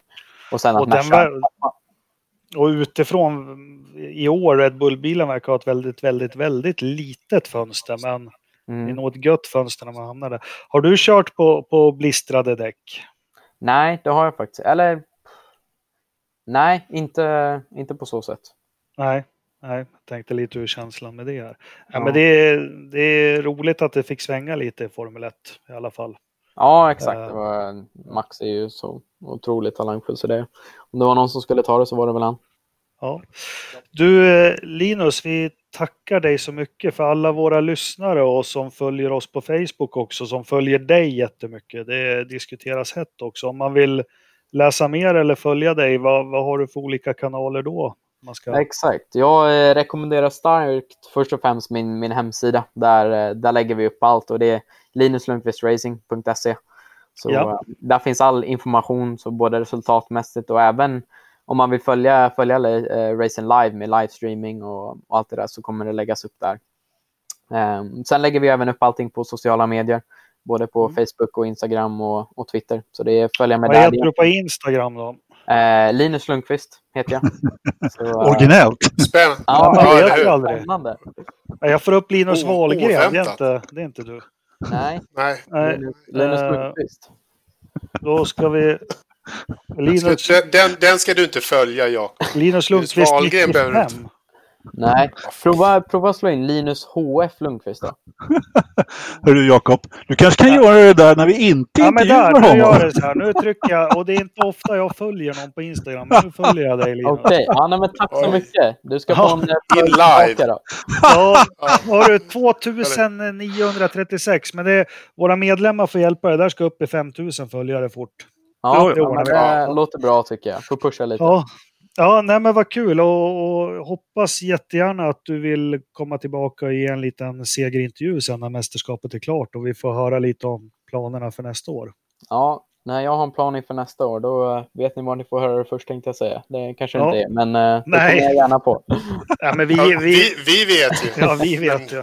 Eh, men, eh, jättetack och du, du ska veta att ja, det låter ju som det låter, men vi är många som håller tummarna och följer dig. Du har Ja. jättestarkt stöd av oss gamla gubbrävar som gillar racing. Det är skitkul att du går som en murbräcka där. Ja, nej, men tack så jättemycket. Jag uppskattar verkligen det. Det är, eh, det är alltid jättekul att se. Som sagt, nu har vi fått bra med uppmärksamhet och det är alltid kul att läsa kommentarer som är med och stöttar den och så vidare. Så Ja. det, det gör det alltid lite extra gött. Ja. Kör så det ryker Linus, tack ska du ha. Ja, tack Mm. detsamma. Ha tack det så du bra ha. hörni. Ja. Ha det bra. Ha det bra. Tjena. Hej. Jaha, ja men det var Linus Lundqvist det. Vilken kille. Det, jag kommer hålla alla tummar och fötter och allting. Jag hoppas att alla lyssnare och eh, ni som är med på forumet också hjälper till och lyfter fram honom. Skitkul. Ja, verkligen. Riktigt skoj att ha lite inside information. Man får alltid lite mer extra information som kommer. Ja.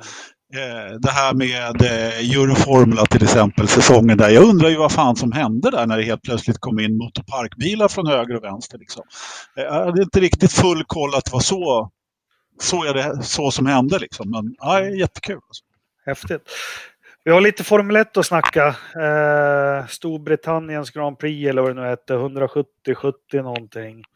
Eh, 70th year anniversary Grand Prix och 1. vi hade ju en, Olle Danielsson va? Satt Ja. en liten... Han har en, han har en liten slant över som han gick till sitt lokala spelkontor i Tullinge där och fick ett odds tror jag. Ja, precis. Ja. Luddigen, men ändå. Och så, Ja, eh, och vann. Eh, vi behöver väl inte, jo vi kan väl ta lite kval här. Perez fick ju inte köra. Eh, Hulkenberg var snabbare än Stroll. Eh, Bottas tog en för honom tror jag otroligt viktig pole position. I alla fall då på lördagen. Visst var den viktig, såklart. Eh, ja. eh, sen har vi lite Vettel och vi, Ricciardo gör ett bra kval. absolut. Lovade pallplats. Eller sikta Han- på pallplats. Ja, men precis. Det var nog till och med så att han hade ännu mer att ge tror jag på det, i det där kvalvarvet faktiskt. Ja, ja. Men så har vi ett lopp, det drar igång där och, och påminner jättemycket om Silverstone. Var det 2018 eller 19? Bottas tar starten, Lewis går upp lite på yttern i första kurvorna där det visar sig. Eh, jag fightas lite med Jari i, i racetråden där att det, det kändes då som det var en tidsfråga innan Lewis kläta upp Bottas. Håller ni med? Ja. Ja. Eh, vad händer sen? Ja du, det kan man fråga sig. Det var ett av de märkligaste loppen jag har sett faktiskt. Eh, så här i efter. Jag, jag har fortfarande inte riktigt jag, jag har inte riktigt förstått vad som hände egentligen. Men det blev ju ett tak taktikernas lopp och eh, med däcken då som, eh, som funkade olika och vissa sätt däck funkar bra och vissa däck, sätt däck funkade inte. Men, men bara det här att, att för Max Verstappen kunde egentligen dubbelstinta på sina hard och det var ju lite nyckeln egentligen då att han kunde från, eh, att han kvalade då på, eh, i Q2 på hard. Det var ju ingen annan som gjorde faktiskt. Och det tycker jag var väldigt märkligt. Varför var det ingen som kunde se det? Det kändes inte så jävla... Det, det kändes inte som en rocket science att, att räkna ut det när dels så har vi fått mjukare däck från förra gången, från förra veckan. Och dels är temperaturen högre vilket gynnar eh, hårdare däck också. Eh, alltså så här, mjukare däck, desto mjukare de är desto hårdare slits de. Så var, varför var det ingen som kunde göra den här matematiken förutom Red Bull? Det var det och- och nog. Max. Det var det nog. Men tillgången på däck var rätt dålig. Så att jag tror att man helt enkelt valde bort det. Men man gjorde ju uppenbarligen fel. Eh, så att det, det ja. kan ha varit så. Men det var, det var ju många som körde Q1 på hard också och tog första vändan på, på hard. Eh, där. Och, så att, jag, jag, tror helt enkelt att man valde bort det och, och, tänkte att det kanske inte var så stor skillnad. Men det är bara gissningar naturligtvis. Men det var, det var väldigt märkligt, jag håller med dig. Men jag tror också så här att det var nog inte så många som trodde att det var så stor skillnad på medium och hard som det ändå blev. Därför att det Max gjorde, det var ju det här som, eh, som vi snackade om tidigare, att han fick ju verkligen bilen i fönstret. Jag menar, mm. och han liksom sitter och snackar med, med stallet och säger att jag tänker absolut inte köra som min mormor eller farmor eller vad han sa. Farmor. Ja. ja. Och jag menar, där, då, då snackar vi liksom. Han, han visste ju vad bilen ja. var kapabel till och då är det ju bara att köra naturligtvis. Han hade, I det läget hade han ju vansinnigt förtroende för bilen och, och visste precis eh, hur mycket han kunde pusha och allt sådär. Och, och de säger bara softa lite, sen bara nej, nej. glöm det, här, här ska vi köra om. Ja, och, liksom. Inget och jag, tro, och det, jag trodde inte mina ögon där om, när de började gå i depå efter sex varv vad det var för någonting. Vad fan är det frågan om? Liksom? Är, det, är ja. det depåfönster som är DTM som öppnar nu? Och de måste, liksom, det var bara helt sjukt. Och det, var ju, det, vidare, det, var, liksom. det var ju många som började blistra. Ja. Så var det ju. Särskilt Mercedes blistra. Och jag var innan Lewis gick på radion. Jag, det här debaclet med punkteringar och vi pratade om det förra. Det, det var ju ändrade däcktryck här. Och jag började säga, mm. men de har säkert fiff. Red Bull är ju alltid, de har ju fuskat lite med cambervinklar och sånt mot vad Pirelli har sagt och så. Men och Lewis var inne på det, att han hade annat lufttryck. Men den där, den nötte ju inget däck alls. Nej, inte på samma sätt i alla fall. Och, och, och liksom, det blev så väldigt, väldigt tydligt och just att det kan slå så pass mycket som det gjorde. Och framförallt då den här, eh, alltså det här depåstoppet som man gjorde på Bottas då med eh, liksom, han har, helt plötsligt hade Bottas gjort två stopp och, och, och Max hade gjort ett stopp. Eh, och och Max var före i banan. Liksom. Hur fan gick det till? Liksom? Och, varför, och varför i hela friden tog man in eh, Bottas bara för att liksom, täcka upp? Det var ju det sämsta man kunde göra. Det, det, det, ska också sägas att vi ska inte bli någon jättelångrandiga här, för, i och med att vi har, haft, har redan haft en lång intervju då, som blir långt avsnitt. Men, men jag menar, det var många dåliga beslut på depå. Alltså jag brukar ju ofta klaga på, på racingingenjörerna eller på att man tar dåliga beslut. Och det är ju som sagt det är jättelätt att sitta i soffan och tycka men, men det var fler än jag som var irriterade på, på dåliga strategier. Eh, en och annan förare också faktiskt. Ja. ja. ja men Bottas hävdar väl att han fått en dålig strategi, men det förnekar ju Toto efteråt i alla fall. Uh, men eh, det blev ju sen av ja, Verstappen, värdevinnare, kul att ja, han vann ju på pace och, och liksom det känns ju också hoppfullt och vi går ju till ett varmt Spanien nu med samma däcktyper och lite liknande bana här så det kanske båda gott för oss som vill ha lite fight. Ja men alltså absolut, han, han eh, pinnade ju upp på andra plats i, i mästerskapet också, fem poäng för eh, Bottas nu på en evighet bakom eh, Lewis såklart men eh, men ändå, liksom, men det kan man ju se. Eh, det, det är varmt. Det är då Red Bull-bilen eh, funkar som bäst och det är då Mercedes funkar som sämst och det är då Max Verstappen tar, tar sina, eh, sina skalper. Mm. Eh, och liksom Spanien, mitten på augusti. Det är väl inte omöjligt att det kan bli varmt i, i, Barcelona. Liksom. Eh, och då får vi väl se vad, vad Mercedes har för, för och, så här, kanin och dra ur hatten och, och, och lyckas trolla upp. Alltså grejen är det att jag brukar hävda att de gör ju aldrig misstag utan det brukar vara ett lopp som de gör misstag. Nu gick de inte bort sig totalt fel som de gjorde kanske i Tyskland men det var, det var heller inget regnlopp eller något sånt där. Men att jag var så förvånad på att för grej, det kändes som att de stod handfallna när de såg hur snabb Max Verstappen var. Jag förstår inte att de inte lämnar sina bilar ute ett tag till. Jag menar, de hade... ja, men jag tror att det var, det var däcken. Skillnaden var ju bara att liksom, den slet ju inte däck. Den där Red Bull-bilen kunde ju liksom... Jo, men ändå. så såg du hur snygga de var. Liksom. Ja, ja, ja, Med, Medan Mercedes bakdäcken på, på Men de hade, eh, fortfarande, de hade fortfarande fart. Det var ju det som var grejen. De hade ju fortfarande, liksom Max Verstappen började äta in fart på Lewis. Men han hade Ja. kunnat köra tio varv till på de där medium och, och hålla med Ja. Verstappen bakom sig. Och, eh, vet du, så att de hade kunnat ta ut Bottas framför. Ja, Jag är helt övertygad om det. Att det, att det där, det var, de hann inte agera tillräckligt snabbt. Och, jag menar, vi har ju sagt att det där, det där är, eh, liksom, det är det du måste kunna göra för, när du ska ta sådana där segrar som Red Bull gjorde. Att de, de ändrade sin strategi under loppets gång. Men det vart ju varken Mm. hackat eller malet för Mercedes. Det var lika Nej. Lewis Hamilton hade ju superblister där och då vart det så här, ska vi köra igenom det här? Ja, vi försöker göra det, men så blir det inte påstopp ändå. Och, ja.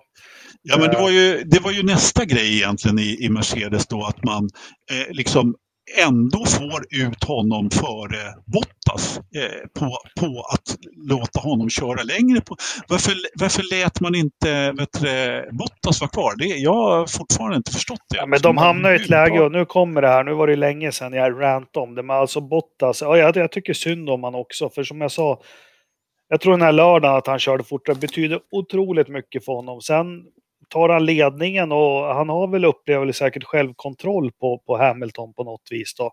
Och Hamilton börjar tappa tid på honom och då, då går det väl igång i den där finska skallen. Och, och Jari satt ju och hetsade, haha, han kokar Hamiltons däck, vänta ska ni få se.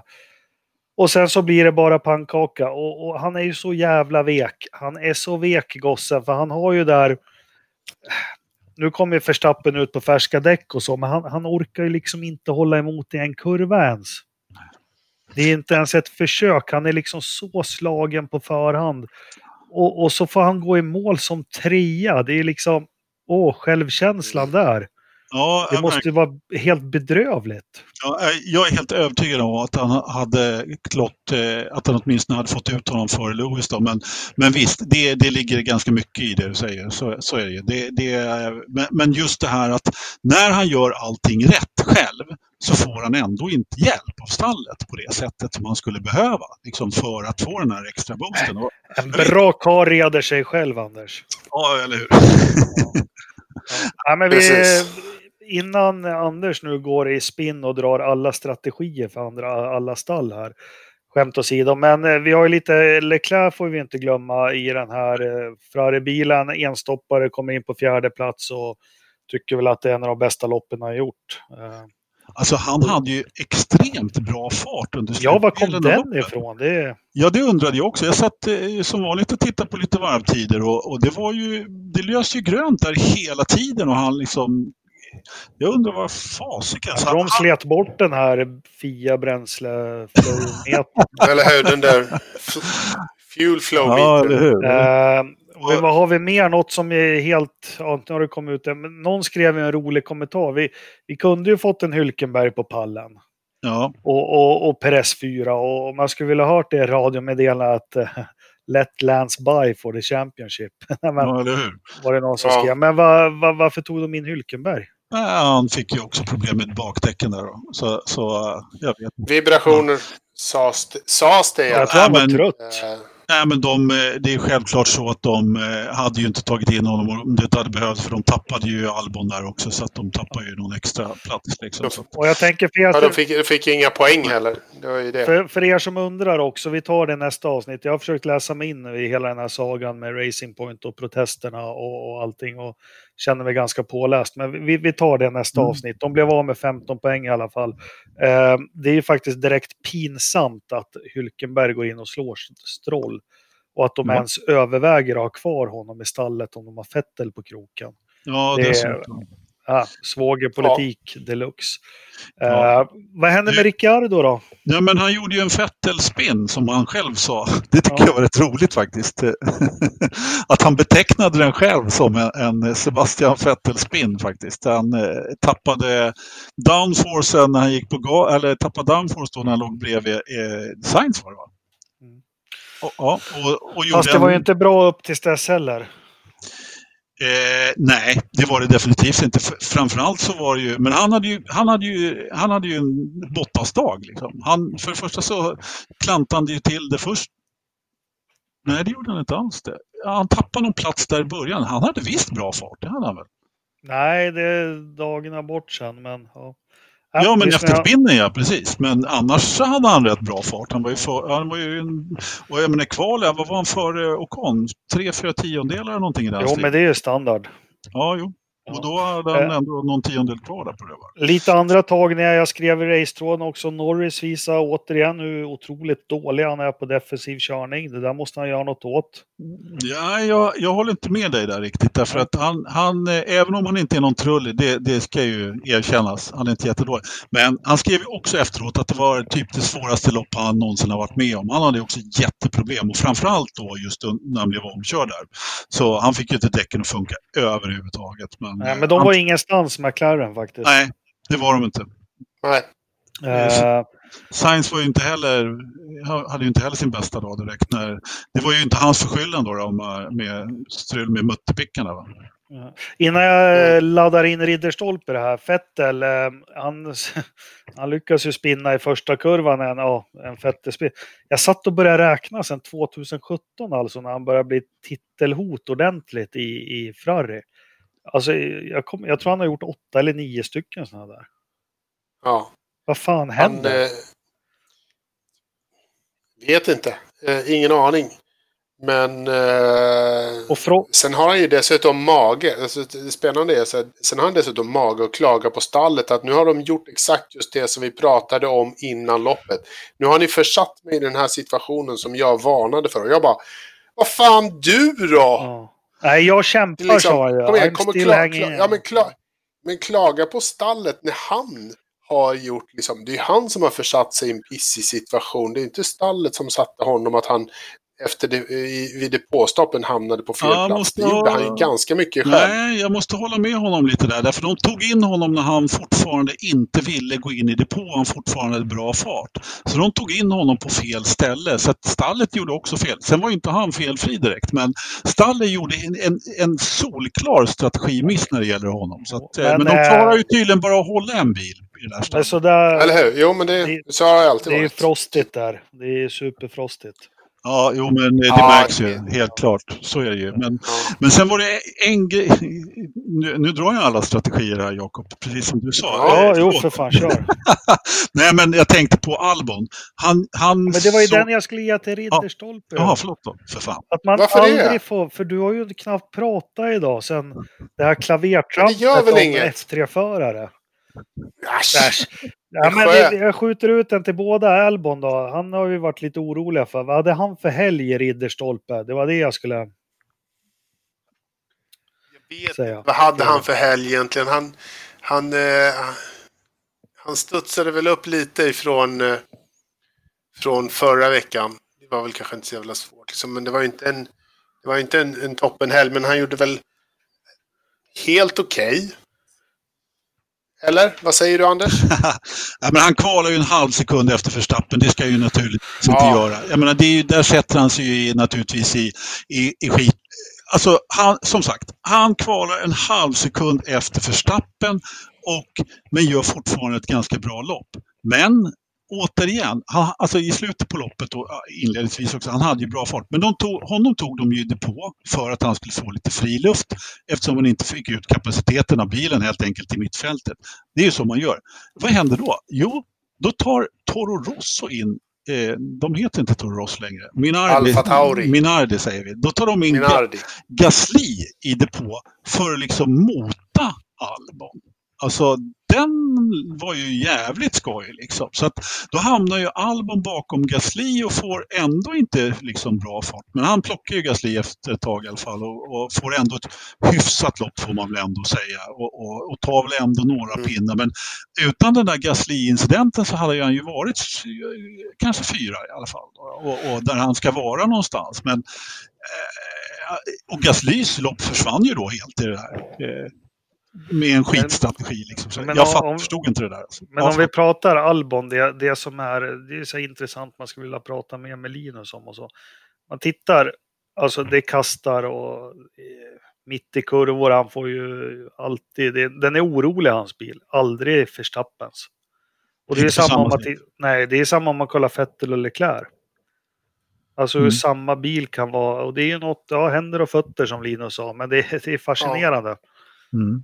Ja, visst Att det, att det uppför sig så otroligt olika. Ja, Mm. håller med. Men nu hade, jag tyckte ändå, jag tittade lite grann på Albon i det här loppet faktiskt. och Jag tyckte ändå att han, det såg ändå betydligt, betydligt bättre ut faktiskt. eh, Nu i, i söndags än vad det har gjort tidigare. Och han, eh, han, han, eh, men det, Red Bull var bättre också. Passade Ja. bilen bättre med, med de här däcken och så vidare. Så att det är klart att då fick ju han lite fart av det också. Så att, Ja. ja, vad hade vi något sorgebarn då? Det dansk, tänkte jag säga. Men alltså det kan ju inte vara lätt att vara hasförare nu. nej. Det är, inte, det är nog ungefär, ja men det är, att vara Alfa Romeo-förare kan inte vara det roligaste heller. Liksom. Kimi, Kimi Räikkönen är årets sorgebarn. Ja, han slog ju Antonio nu i alla fall.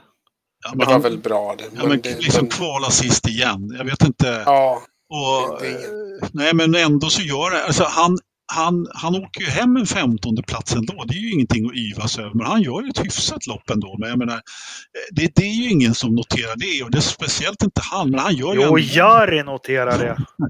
ja, men då är Nej. de två. Det är väl bra det. Ja. Men, eh, men det, är- det, är- det, är, det är tråkigt. Jag måste faktiskt, en, en liten funny stat, eller vad man nu säger på, på brittiska. Eh, George Russell har 25-0 på, i kvalstatistik mot sina eh, Formel 1-teamkamrater. Ja. ja. Jo, då har han ju kört Ha. mot en svårt handikappad och så en iranier.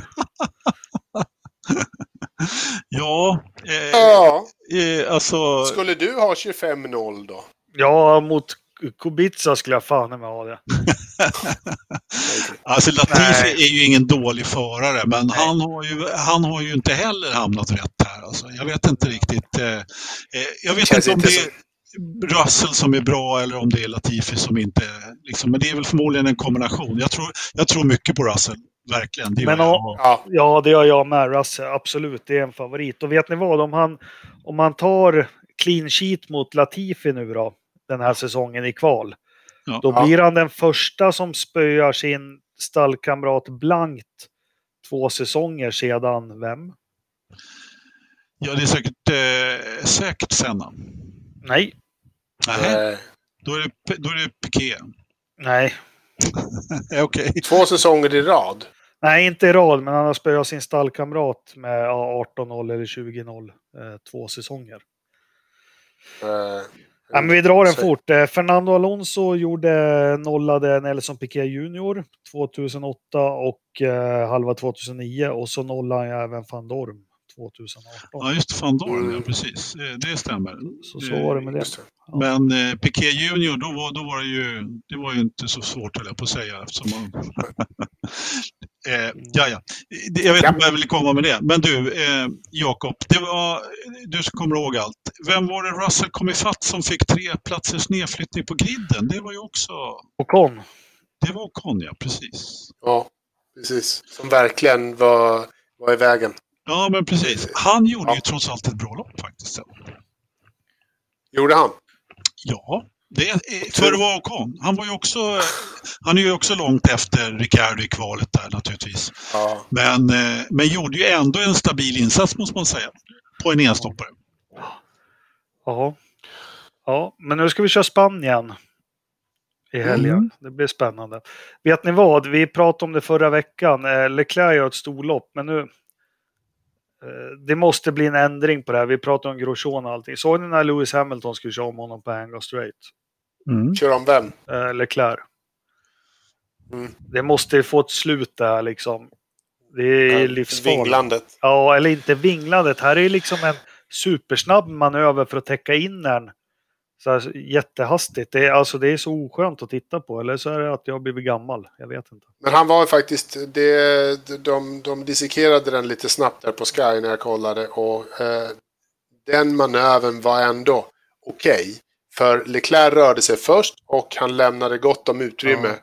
för, för Lewis eh, till höger.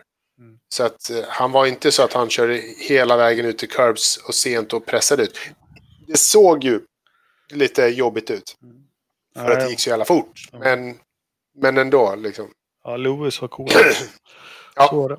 Ja, vi hinner inte med någon Formel E eller Formel 2 eller något Anders. Det får vi ta ett ex- extra insatt. Eh, Ja, det har ju Vi- bara körts tre eller, tre eller fyra Formel E-lopp här Ja, de senaste det- dagarna. Så att, skiter jag och alla andra i. Ja. Nej då, vi måste säga att Felix da Costa är bra. Ja, han har tagit eh, hem eh, mästerskapet i alla fall. Ja. Bra Eh, vad blir hans nästa steg då? Det har jag ingen aning om. Alla säger att han skulle ha fått en Formel 1-styrning och att det är ett under att, han, eh, att Red Bull inte plockar in honom. Men eh, jag tror inte han kommer få chansen nu då. Men, eh, vi får se. men jag måste bara nämna att Tom Blomqvist ska ju faktiskt hoppa in i de, de två sista Formel E-loppen. Det kan ju bli lite kul att se. Ja, Mm. skoj. När ser, när ser man dem? I helgen? Eh, nej, nu i veckan. Eh, jag kommer inte ihåg vilka dagar, om det är tisdag och onsdag de kör de två sista. Jaha, Mm. mitt i veckan-lopp. Spännande. Japp, japp, japp. Jag har inga ursäkter Jakob. Du, bara- du är ledig på veckan. Men da Costa, jag tänkte att det var han som körde på Hubert, men det var det inte. Han hette, vad hette han? Nej, det var någonting annat. Ja, det här är en portugis. Va? Bra, veckans. Verstappen, Ridderstolpe. Mhm. Det tänkte du bara sådär. Mm. Jag hade ju en eh, som jag har eh, sumpat bort i min eh, förvridna hjärna. Veckans Verstappen. Eh, Lawrence Stroll som inte kan förstå i sitt tjocka huvud att han har begått brott. Ja,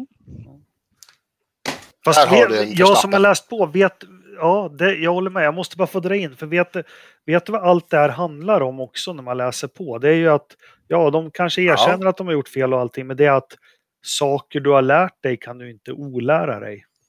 Men det är väl en sak. Ja, det är en men sak, Också, men det- men, det, det är- men det är också en, lite grann en ursäkt för att eh, liksom, frågan handlar ju då om hur fick du informationen in i ditt huvud? Fick du den från ett fotografi eller fick du den på ett annat sätt? Ja, Och han det är ju det det handlar om. och Toto red ju ut och drog några, både en och två Mm. lansar för, för det här. Och eh, ryktena när jag forskar det här, det är att de har ju haft en bil till och med. De har haft en, eh, en Mercedes W10 tror jag det var. Att de har haft Mm. den i sin ägo till och med. Och då säga att ja, men vi gjorde det via fotografier. Mm. Nej, men pappa Lawrence. Eh, Då undrar jag, är Mercedes rädda att hamna i den här skitsoppan? Mercedes gör nog jävligt eh, rätt i att hålla tyst och sitta på bänken så länge de bara kan. Och vad Mm. heter den här domstolen de avgör? Jag har glömt förkortningen. Och den är ju också lurig, för det är en sån här domstol. Det kommer ju inte ut någonting. Vi kommer ju aldrig få veta. nej men... Eh, vet, men det var väl de som gjorde grejerna med Ferrari, så att jag vet inte. Det, jag har ingen aning vad den heter. Ja. Anders, har du någon Verstappen? Det är klart jag har. Du tänkte Ja. på World Motorsport Council, är det den du är ute och Nej, en annan. Det heter Nej, någon ja. annan. Vi återkommer skitsamma. till det nästa vecka. Ja. Eh, jag, eh, ja, det är klart jag har en Verstappen. Det har jag alltid. Nej, men jag måste ta Alfa Romeo. Jävlar vad Ja. underisen de är. Det, jag Mm. fattar inte. hur De, är så dåliga och de gör allting fel just nu. Och Freddy de, Vassör som var så jävla bra, ordning och reda och hård. Och Ja. han skulle, ja. Och det, Ja. det, det smärtar mig lite grann för jag har ändå ett litet hjärta för dem. Jag har alltid haft eh, faktiskt. Och, och det, det, ja, men, vad är det som har gått snett? Är det, ba, det kan inte bara vara Ferrari-spisen. Eller ja, det kan det ju vara eftersom hans också är dålig. Men det, nej, jag vet inte. Det är Du bara... har vurmat för dem sen Mario Andretti körde, för dem var det 82. Ja, typ. Ja, det är en, det är en, en kärlek som har varit seglivad. Mm. Jag- Du jag- Vad har du för... Jag du kör Val Verstappen Valtteri Bottas. Ja, ja. Ja, eh, gör något annat. Eh, Cykla. och så fick han kontrakt också. Ja, ja. Ja, ett år till. Nej, man ska inte Ja, döma ut han är, men han är, han är så vek. Och, och, och det jag tänker med, jag var ju aldrig någon förtjust i Nico Rosberg, men hans prestation mot Hamilton, nu tog han ju bara ett VM, men han pressade honom varje Jo. år. Varje lopp. Ja. eh, Han pressar honom mer än vad Bottas har gjort, det håller jag med om. Oj, jag, ja. jag, Oj, tycker, ja. jag tycker att eh, Nikos prestation, den har växt lite tycker jag. Ja, det har den verkligen Mm. gjort för mig. Sen har jag inget övers för, för, för honom. Så. Men det är Bottas. Det är 74 procent luftfuktighet ute i Grövelsjön och det innebär att det är 40 procent inne hos Pastis. Jaha. Vindstilla. Jaha. Växlande målningar 13,1 visar kvicksilvret ute. Vad Ja, har vi i datorförråd då? Det börjar ju bli höst. och lite kallt igen. 18,3. Nej, det är varmare. Det är 21,2. 22,2. Jaha, det var så pass varmt den här då. Ja, så kan det vara. Och då måste jag även fråga, det var ju faktiskt han som skrev det, det var kul. Varför har svenskor finskor som Varför danskor? Ja, det kan du fundera på en stund. Mm. Hängde du med Ridderstolpe? Oh ja, men, men eh, jag, jag låter dig låta den hänga där Ja, en vi har väntat 105 avsnitt på att någon av er ska dra en vits. Men det är lätt att såga Ja. mina mitt i typ. Så kan det Ja, vara. Eh, kul med gäst. Eh, Ja, vi får verkligen. ju glada tillrop när vi har gäst. Men, och vi skulle vilja ha gäst varje vecka eller varannan vecka eller var tredje. Men vi får inte ihop det med våra liv och ragga ihop det och planera och allting. Så vi, vi får ta det lite pö om pö när det kommer helt enkelt. Eh, Ja. Så blir det. Jag är glad. Eh, jag skulle inte vilja ha haft någon annan gäst just nu än Linus faktiskt. Det är riktigt kul att höra. Ja. Riktigt skoj, måste jag säga. Ja, det är klart, även om man får väldigt mycket mediatid nu så, så känns det ändå som att vi fick lära känna honom rätt ordentligt. Ja. Mm. Så nu. Farkas, akta dig. Eller hur? Ja, nu Ja. kommer vi. Nu Ja. kommer vi. Tack ska ni ha. Ja, ha det bra. ha Ha en trevlig vecka och helg. Ja, search Hej. idiot. Hej. Ja.